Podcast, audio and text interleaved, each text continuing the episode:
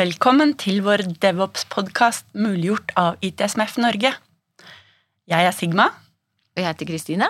og sammen skal vi utforske fenomenet DevOps.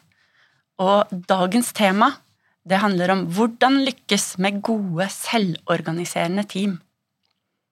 Og Kristine, dette er jo i motsetning til hvordan vi jobbet før, hvor det var snakk om store prosjekter. Absolutt. Og jeg tror nok en god del eh, setter spørsmålstegn ved hvorvidt det var før. Mange jobber nok sånn enda. Og at man har eh, lange kravspesifikasjoner, og hvor kanskje prosjektledere delegerer eh, oppgaver veldig konkret til enkelte prosjektmedlemmer, og så er de i liten grad i stand til selv å bestemme hvilke oppgaver de skal jobbe med, og hvordan det skal løses osv. Og så har du tidsaspektet der, som også er ganske så utfordrende. Når eh, kravspesifikasjonen var laget av et eget team som sjekket hva mange ulike kundegrupper hadde behov for. Og så delte det opp i must have og should have, og så fikk mandat, og så blir det overlatt til prosjekt, som igjen deler det opp slik du ser. Og når er det kunden får se noe resultat? Vel, det er kanskje etter et års tid, fordi når de kommer til lansering, så tar, skal, tar det lang tid å komme i produksjon. Og så endelig får kunden kanskje se noe. Eh, kanskje en pilot hvor det testes og sånt. Ja, og får ikke respons på lang, lang tid. Nei, ikke sant? Og, og, mange utviklere som har sikkert tenkt i sitt stille sinn at dette kunne jeg løst på en mye raskere og bedre måte, men de hadde ikke anledning til å snakke med kunden engang. Eh, og hvis de fikk lov å snakke med kunden, så kunne de få lov å lage det i tillegg eh, til noe som kanskje ikke var så nyttig. Og underveis i prosjektet, når de sitter der eh, kanskje delt opp i eh, grupper i prosjektet også, som jobber med hver sine ting, og vet ikke helt hvilken helhet de skal være med å skape, og mangler da respons på det de lager så de må bare håpe det beste. Og kanskje hvis de har gjort noe feil, fanges det opp av testere, da, som eh, sikrer kvalitet. Men da kommer de jo bare også tilbake igjen for å rettes. Så massevis av problemer med den gamle måten å jobbe på, som eh, gjør at vi alle må se på dette med produktfokuserte team. Og så har vi dette med hva skal til for å lage selvstyrte team, da som kan ta gode avgjørelser på egen hånd og virkelig bli gode. Ja, der er det langsiktige perspektivet veldig vesentlig. Man eh, trenger å, å, vite at det man er med å ta ansvar for, er noe som skal vare en stund, kanskje veldig lenge, og skal forfines i eh, mange, i mange små, små inkrementer. Og det gjør nok også at teammedlemmene går mye mer om bord i hvordan hvordan skal jeg bidra til å få dette bra? Eh, leser seg kanskje litt opp på ting uten at noen behøver å be dem om det. Eh, fatter interesse for noe som tilgrenser til det de holder på med. Mye mer nysgjerrig på, på hvordan det går an å løse, løse mm. ting. Så jeg tenker at det langsiktige, at man eh, gir, eh, gir oppgaven ordentlig til teamet. Dere eieren med hud og hår. Og det er ingen andre som skal gjøre noe her, så dette er deres. Dette er jo de naturlige konsekvensene fra det agile manifest, som, eh, hvor en gjeng med utviklere som hadde sett seg ordentlig lei på den gammeldagse måten å jobbe på, det, de samlet seg på en eh, hytte i Utah i 2001 og fant ut at vi må gjøre noen ting. Og de satte mennesket først. Det betyr at interaksjon og samhandling det teller langt mer enn det å følge prosesser og verktøy og kundeinteraksjon, ikke minst. Det teller mye mer enn å følge en plan. Og respondere på endringer også. Langt eh, viktigere enn å følge planer og kontrakter du har satt lang tid på forhånd. Og dette tar vi virkelig på alvor i DevOps og bruker den agile måten å jobbe på, som deler opp arbeidet i kundefokuserte verdistrømmer og hvor alle teamene kan få kontakt med sin egen kunde og få tilbakemeldinger.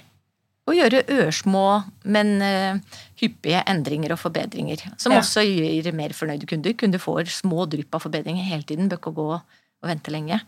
Og jeg tror nok at motivasjonen til teammedlemmene øker med den graden av selvbestemmelse man gir dem.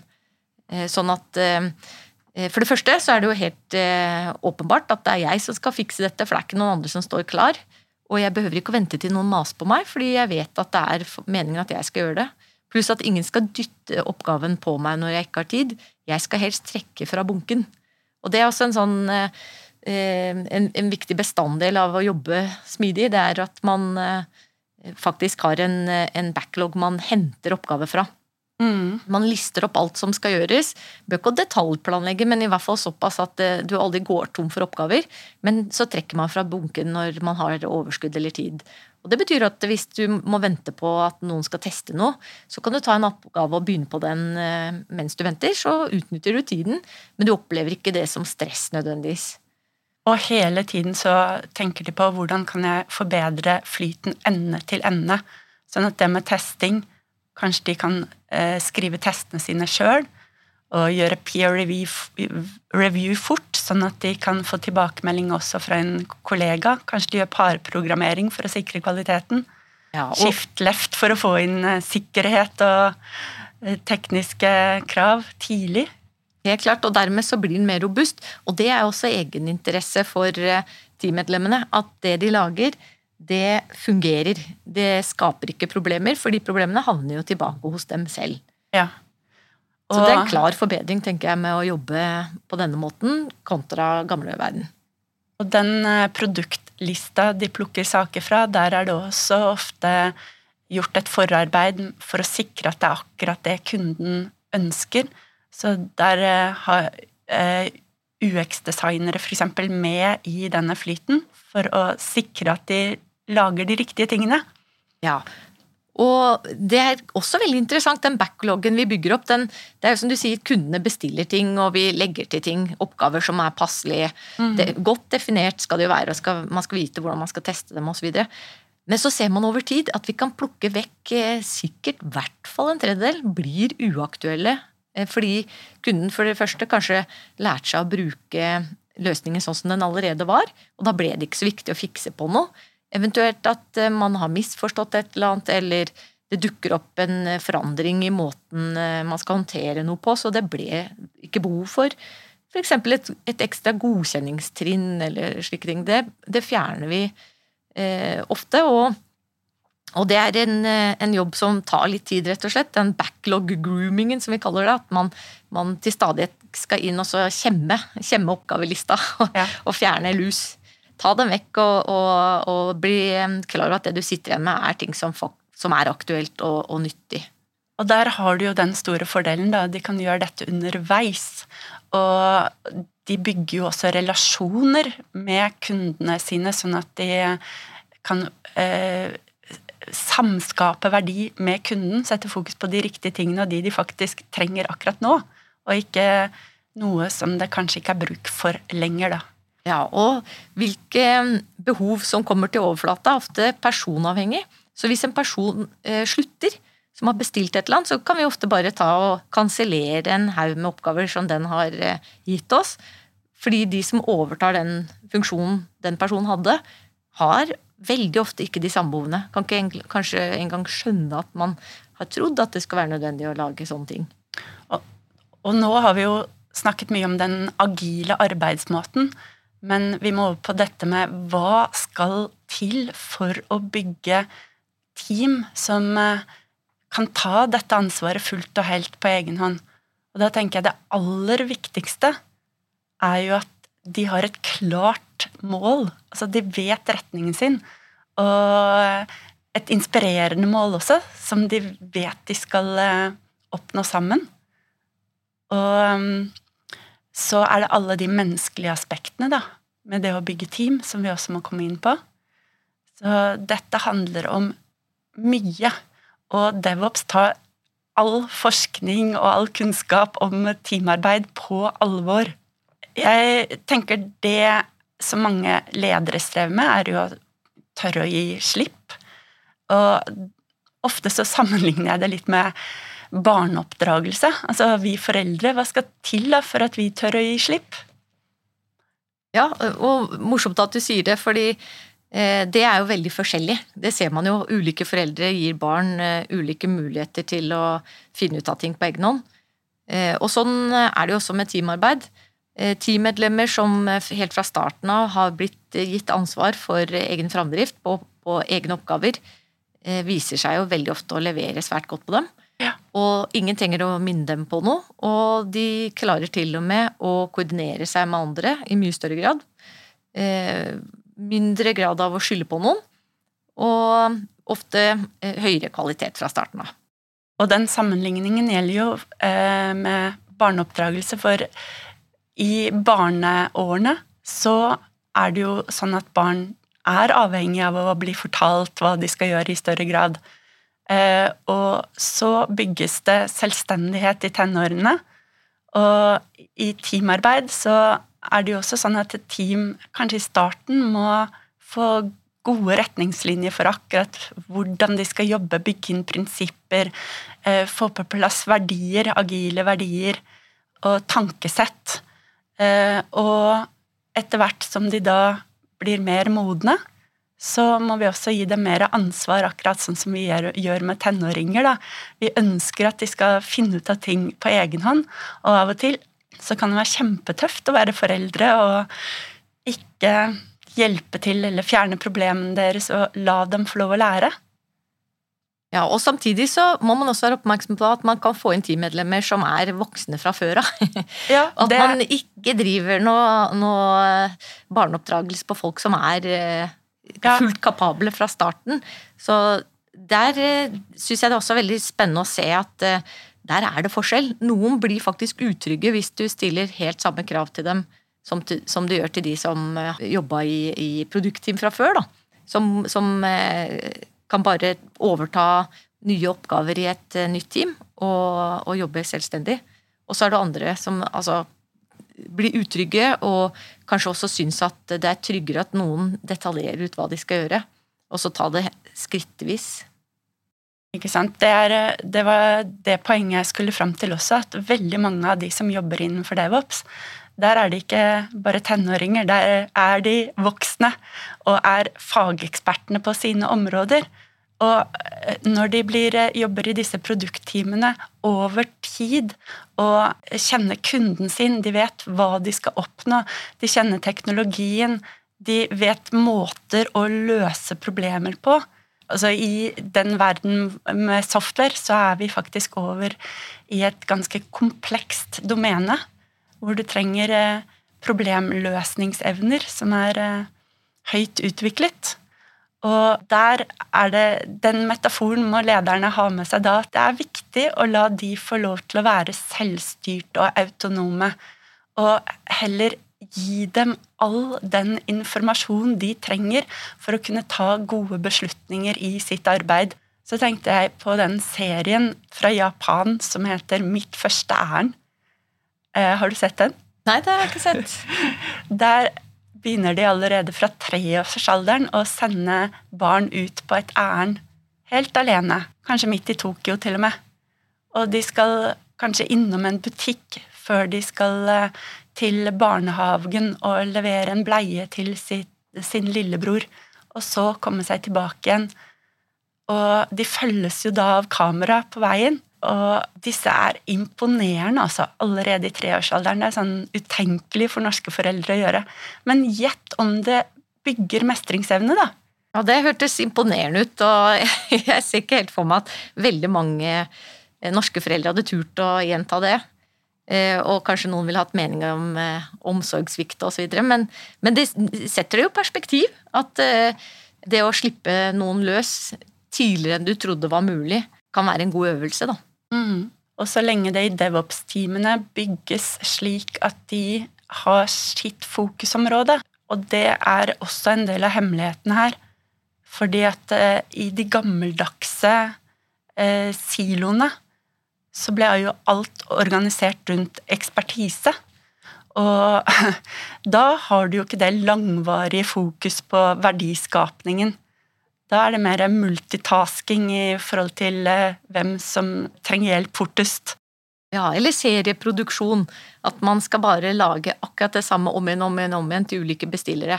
Men du, du får aldri gleden av å se det helhetlige produktet som dette, den lille byggeklossen du lager, skal brukes til. Og du får aldri muligheten til å bruke dine kreative evner til å lage enda bedre løsninger for kunden og se begeistringen i øynene når du eh, samskaper med dem. Ja, og sånn sett så blir jo selvorganiserende team gjerne litt sånn eh, selvrealiserende team. Ja. At man, eh, det, man opplever at eh, det blir morsommere, eh, man blir flinkere. Man blir kanskje sett opp til av kunden. Man får lov å være helten i kundens liv ganske ofte. Og ikke minst at man sparer en del tid på type sånn overlevering av oppdrag. Fordi man kan få vite hva er målsetningen med oppgaven, og så kan de selv snakke med kunden om hvordan.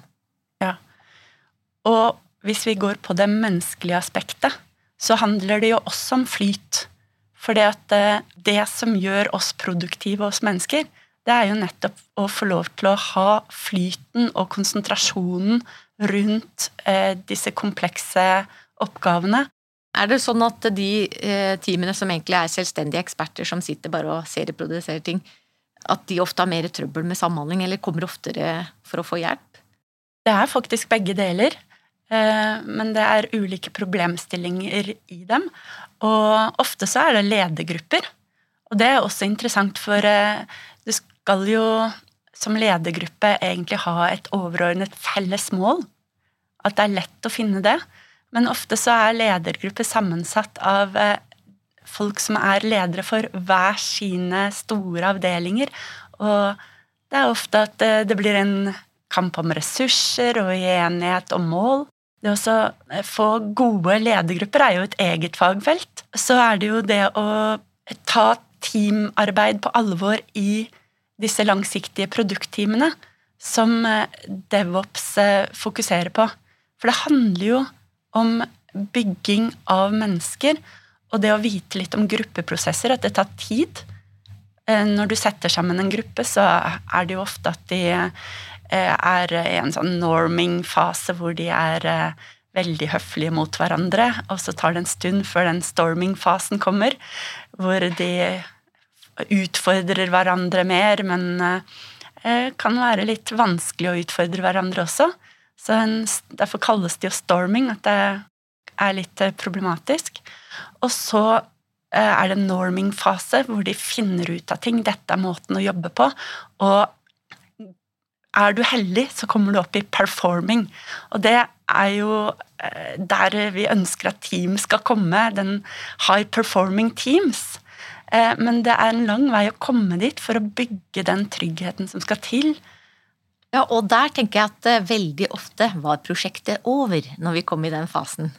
Så når vi endelig var blitt eh, gode venner, hadde mer sånn åpen og direkte kommunikasjon, når vi visste om hverandres styrker og svakheter og kunne faktisk nyttiggjøre oss av den kunnskapen, så var, eh, da var leveransen omme, og vi ble spredd for alle vinnere igjen. Så det var egentlig litt sånn bortkasta å ha brukt så mye energi på å bli et godt team, når det mm. bare skal oppløses. Når vi vet hvor mye som skal til for å skape fremragende teamarbeid, så er det rart at vi ikke for lengst har gått over til langvarige produktteam som eh, har fullt og helt eierskap. Og det handler jo om relasjonsbygging i teamet og trygghet, psykologisk trygghet eh, i teamet. Tørre, tørre å si sin mening og vite at det blir tatt imot med respekt. Og vite at de andre også sier sin mening. Mm. Og ikke minst at eh, når, når, eh, man har sagt sin mening, så er det fordi at man opplever eierskap til hva som skal komme ut av det man er i gang med. Ja.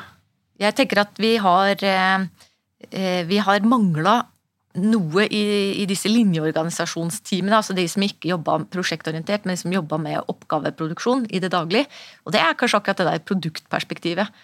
At eh, vi, når vi ikke var i prosjekter, så leverte vi business as usual, men det var bare driftsoppgaver. Det var ingenting nytt. Hver gang vi skulle gjøre noe nytt, så måtte vi liksom ha inn en prosjektleder og et eh, prosjektdirektiv og kravspekk og hele, hele pakka. Og så først kunne, man lage noe nytt, og da skulle det håndteres helt på siden, og så leveres tilbake til linjeorganisasjonen, nærmest. Mens eh, med en gang vi fikk det produktperspektivet, så vet vi at det produktet skal faktisk kontinuerlig forbedres. Det er ikke en engangsøvelse, det er noe vi skal gjøre hele tiden. Deler av tidsbruken vår skal være på driften, sørge for at ting bare hjulene er i gang. Og deler av tiden skal vi forbedre. Alltid. Og du er ikke lenger bare et tannhjul i et maskineri. Du har det, den forståelsen av hva er det kundene egentlig har behov for. Og det er ikke lenger bare produksjon for økonomisk vinning og profitt. Altså, er vi på røde tall, eller er vi på blå tall? Lønnsomhet. altså Fokuset til lederne måler ofte på de tingene. Men hva er den egentlige verdiskapningen? Hva er det som gjør kundene ekstra fornøyd? Dette med selvstyrte team er jo ikke bare innen IT. Jeg har jo et eksempel eksempel fra hjemmesykepleie i Nederland. Hvor de har organisert helt rundt selvstyrte team på fem-seks sykepleiere som har helt og fullt ansvaret for sine pasienter i ett distrikt eller ett område. Og de fordeler det fullt mellom seg, og de tar seg tid til å snakke med pasienten og forstå hva er det som virkelig gjør hverdagen deres bedre. Og det skaper jo også friske mennesker, friskere mennesker. Når det ikke bare handler om å raskest mulig skifte en bandasje og så gå til på en ny vaktrunde neste måned og ikke få det personlige kjennskapet til pasientene sine. Spennende. Hvis vi skulle overført det sånn virkelig, da, så vi, vi snakker om life, uh, Service Delivery Life Cycle Management. Vi tar ansvar fra produktet uh, er påtenkt, til det er liksom under utvikling, til det er oppe og står, og til det skal uh, ut av det vi kaller ut av produksjon, da, end of mm. life. Eh, så egentlig kunne man jo hatt noen koordinatorer eh, som har ansvaret fra de fødes ja. til de dør, men da er vi jo på familien. Og det er det andre begrepet vi bruker. Vi snakker om at vi er i en, en eh, tech-familie. Vi er familien til dette produktet. Og, sånn. og vi, har, vi, har, ansvar for alle de fasene, de livsfasene produktet har. Og det du oppnår da, er jo mennesker som føler eierskap til dette produktet og skjønner verdiskapningen. Og dit vi må komme, er jo at vi i fremtiden også stiller spørsmålstegn ved verdi. Hva er det? Og at alle får eierskap til ja, hvordan kan vi lage ikke bare bedre produkter, enten de er digitale eller eh, andre produkter, som har eh, der vi tar med at de er samfunnsnyttige og bærekraftige, og hvordan kan vi lage det rett, lett å resirkulere dem? Hvordan kan vi sørge for at de varer lenge, og måle på det? For med IT så kan vi støtte alt mulig. Når du får slike mål med Så inspirerer jo det menneskene som jobber der, når de får lov til å ta det helhetsansvaret. Ja, og da trenger ikke noe sånn gulrøtter eh, som henger foran oss, fordi vi vi er så inspirert av det vi driver med, at det å få lov å drive med det, det er det som trengs. Det støttes faktisk veldig godt av forskningen. Eh, sikkert 30 år gammel forskning som underbygger det der. Hvor de satte et team til å løse komplekse oppgaver. Og så ga de bonus for f.eks. en månedslønn. Og eh, noen, an, noen andre team så hadde det ikke noe bonus. Det bare var utfordringen å løse oppgaven. Og gjett hvem som vant, gang på gang. Det er de som ikke hadde noen sånn økonomisk insentiv. Og så øker de bonusen, og da blir det resultatet enda tydeligere. Fortsatt de som ikke har noe intensiv. Så tydelig at det med bonusen kanskje ødelegger faktisk mer enn å hjelpe, og det var ganske overraskende for forskningen den gang. Og det er noe vi ikke har tatt godt nok innover oss. For det ledet jo fram til eh, forskningen rundt indre motivasjon. Hva er det som får oss til å virkelig brenne for noen ting? Når vi kan gjøre en forskjell. Og det er sånn purpose, et viktig, viktig område å jobbe for. Og mastery, at du blir god på det, at du føler mestring. Og eh, at du har autonomien til å faktisk ta beslutninger på egen hånd, og det bygges jo inn i DevOps-teamene alt sammen. Beslutninger tas jo av teamet, og gjerne i form av Vi, hvis vi er usikre, så tester vi begge deler, da, og så ser vi hva som funker i små inkrementer, og så går vi videre derfra. Ja, og så blir det mye lettere å gi ros til teammedlemmer som jobber autonomt, for du kan berømme dem for eh, så veldig mye. Eh, mens hvis de bare gjør repetitive oppgaver som er eh, kjempegodt definert, så de har lite handlingsrom, så står det bare igjen å si supert at du løste det så raskt. Eller supert at du løste alle oppgavene. Det, blir liksom, ja. det er ikke noe inspirerende å få en sånn tilbakemelding heller. Mens nå kan jo jeg si fantastisk måte du valgte å løse det på, og det ble kjempekult design. Og så fint at du kom på det der. Hadde aldri jeg klart. Sånne ting er jo mye mer moro. Ja. Av og til er det jo enkle ting som løser store utfordringer, bare de får eh, dykket inn i problematikken og forstå hva det egentlig handler om. Også det der med at man er i direkte interaksjon med kunden, altså man snakker med kunden og man får feedback fra kunden. Enda en aktør som kan gi ros, vet du. Og kan drive eh, altså både kunde og eh, teamet lærer. Og det handler jo om å være en god kunde også. Kunder som faktisk engasjerer seg i det de skal skape. Vi snakker jo nå om samskaping, og det er ikke uten grunn. Fordi at kunden må ta en aktiv rolle for å fortelle hvordan det er smart for dem å jobbe. Og så kan vi støtte med digitale produkter i deres arbeid. De vi da lager noe for, digitale produkter for, de har jo ofte egne kunder igjen, så vi må forstå hva er det vi er med på. Så når man skal sette sammen eh, DevOps-team, la oss si at, eh, at lytterne våre er på et sted hvor de har fått en bestilling om å lage et DevOps-team rundt et produkt, og har blitt klar over hva det produktet er for noe, og, og hvilket eh, ansvarsfelt som tilligger det produktet. Eh, har vi noen tips til dem? Hva skal de tenke på? Jeg tenkte på forskningen rundt eh, som Google gjorde på høyprestasjonsteam. Jeg nå.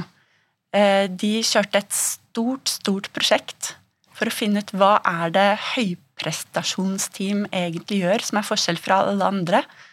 Og hun som ledet den forskningen, Julia Rosowski, hun eh, Teamet hennes, da, de hadde jo noen hypoteser på forhånd. Eh, de tenkte kanskje de eh, teamet var eh, spesielt sammensatt med folk med felles interesse. Eller kanskje det var folk som var mye sammen på fritiden. Eller kanskje de hadde en skikkelig god teamleder. Eller om det var noen spesielle kompetanser. Vet du, de fant ingen korrelasjoner med slike ting. Det var først når de kom på sporet av dette med psykologisk trygghet, at det virkelig At dataene viste stor sammenheng med høyprestasjonsteam. Så det var en overraskende funn i det prosjektet. Og så fant de også fem andre områder da, rundt hva er det som kjennetegner høyprestasjonsteam. Spennende. Så der har vi litt eh, å hente. Eh, å, bygge psykologisk eh, trygghet, det, er jo noe man faktisk kan, kan få til.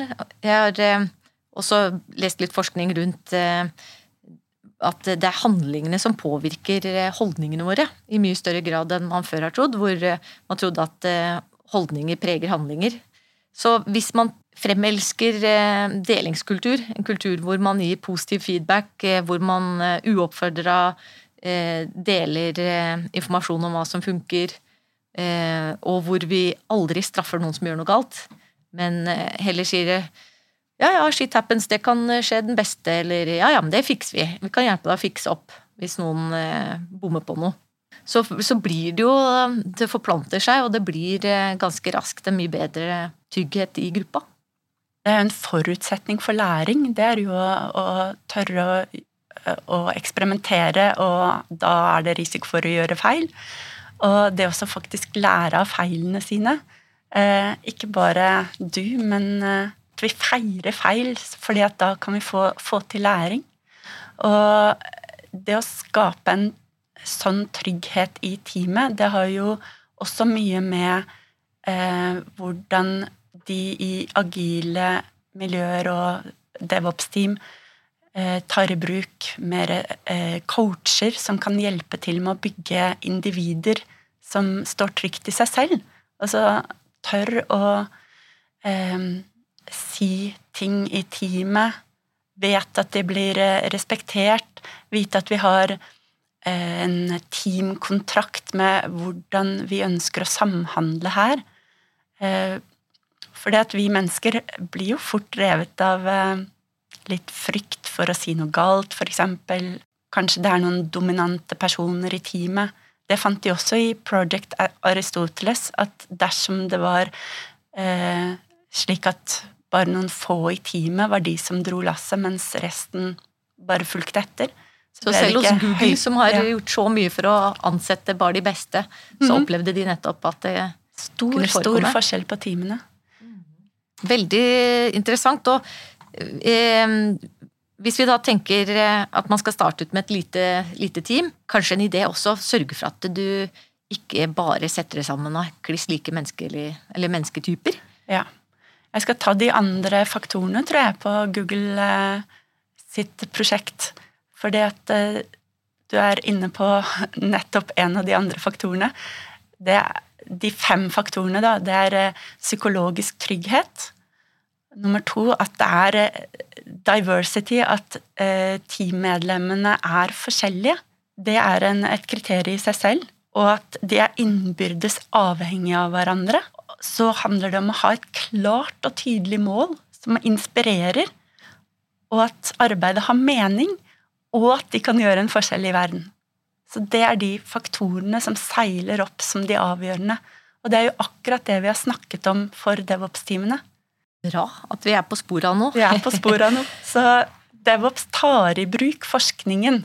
Det er jo det vi gjør i DevOps, lærer vi jo av de som har lyktes med denne nye måten å jobbe på. Så I tillegg til å sørge for å inspirere teamet med å gi dem eh, gode mål som de kan jobbe mot, og berømme, berømme dem og belønne dem eh, muntlig, selvfølgelig, eh, når de når målene sine, så stilles det jo også noen krav. altså Noen rammer må være på plass. Og det å jobbe med å etablere noen grunnprinsipper Du nevnte jo litt i stad at kanskje man har en altså Du nevnte ordet kontrakt, men at man iallfall har noen spilleregler, da som teamet skal rette seg etter, og som de også kan foreslå forbedringer eh, på. Eh, og at man eh, kan godt starte ut med, med, noen teknikker eller metoder, kanskje til og med med noen systemkrav, men de skal også kunne være gjenstand for forbedring. Akkurat sånn som produktet skal forbedres over tid, skal også måten vi jobber med å forbedre produktet over tid, forbedre seg. Ja. Så det handler ikke bare om å forbedre produktet. Det handler om å forbedre måten vi jobber og måten vi samhandler på. Og det er også litt tidkrevende. Man må sette av litt tid hver, helst hver uke eller hver måned til å gjøre små forbedringer. Noen har eh, daglige stå-opp-møter eh, hvor de eh, går gjennom hva de har gjort siden i går, hva de har tenkt å gjøre i dag, og hva som de eventuelt kunne trenge hjelp til, eller om det er et eller annet eh, man burde ta tak i. Og, og, at de på slutten av uka kanskje har eh, et retrospektivt møte hvor man snakker om måten man har jobba på, og hvordan det kan bli bedre. Ja. Noen har gått litt lei av disse her ritualene som det agile manifest, eller i hvert fall scrum-metodikken stadfester, gått litt bort fra det. Og det kan jeg skjønne at det, alt du gjør i år ut og år inn, det kan i seg selv bli demotiverende. Og da er det viktig at man klarer å erstatte det med andre måter å, å sørge for kontinuerlig forbedring på, da. Nettopp. For hensikten er er klar. De standup-møtene her for å hele tiden ha fokus på verdiskapningen. Gjør vi de riktige tingene? Og så retrospekt eh, handler om å forbedre hvordan vi jobber sammen.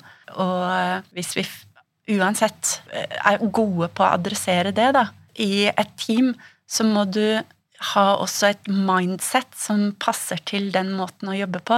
Teammedlemmene må hjelpes til å ha det, et growth mindset, ikke et fixed mindset, men en, en uh, kontinuerlig forbedring. Uh, lære av feil. Uh, det er helt greit å gjøre feil, for det kan vi lære av. Så det handler mye om menneskelige aspekter, å bygge mennesker som både selvfølelse og selvtillit da, hos menneskene. Skape mestringsfølelse og tro på at vi vil lykkes. bare vi jobber på denne måten. Det kan sikkert være lurt i starten hvis du skal sette opp det første DevOps-teamet og velge en del personer med mye drivkraft. Altså typer som ikke gir seg så lett, og som er nysgjerrige og dristige. Eh, bare for å få vist fram at denne måten å jobbe på, eh, den er god. Eh, og så kan man heller sette inn mer, altså mindre selvgående individer i gruppa etter hvert.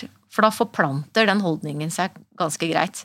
Så hvis man har vært en sånn som gjerne ligger litt på været og, og, gjør ting først når du vet at ting funker, så passer det godt å komme inn når et sånt team er litt oppe i speed.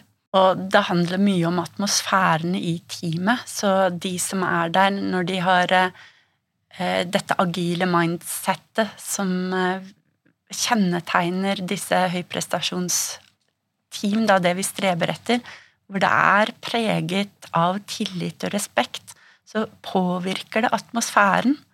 Og teamene lager jo også eh, miljøer hvor det er trygt å feile. Nå tenker jeg både på infrastrukturen, at vi har tjenesteorientert arkitektur, sånn at det er tryggere for utviklere å kunne lansere noen ting uten at det skal få konsekvenser for hele selskapet.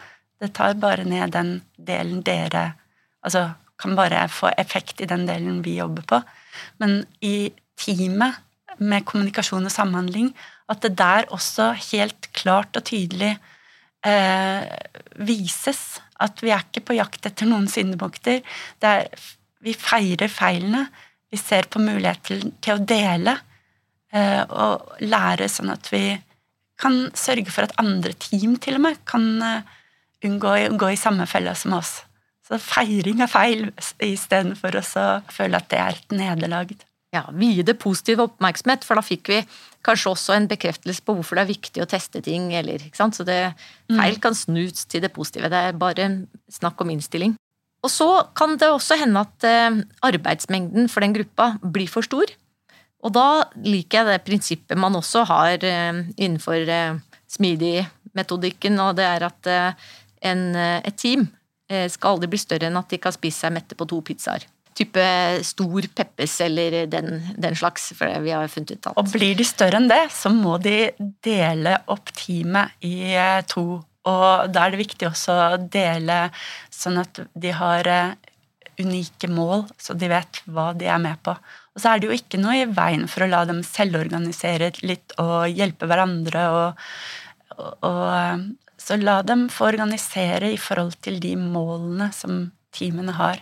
Ja, Hvis noen teammedlemmer da har fått eh, selvstendig ansvar for noen delmengder, så er det mye lettere å splitte dem opp, for da er jo den, det ansvaret med teammedlemmet inn i den nye strukturen.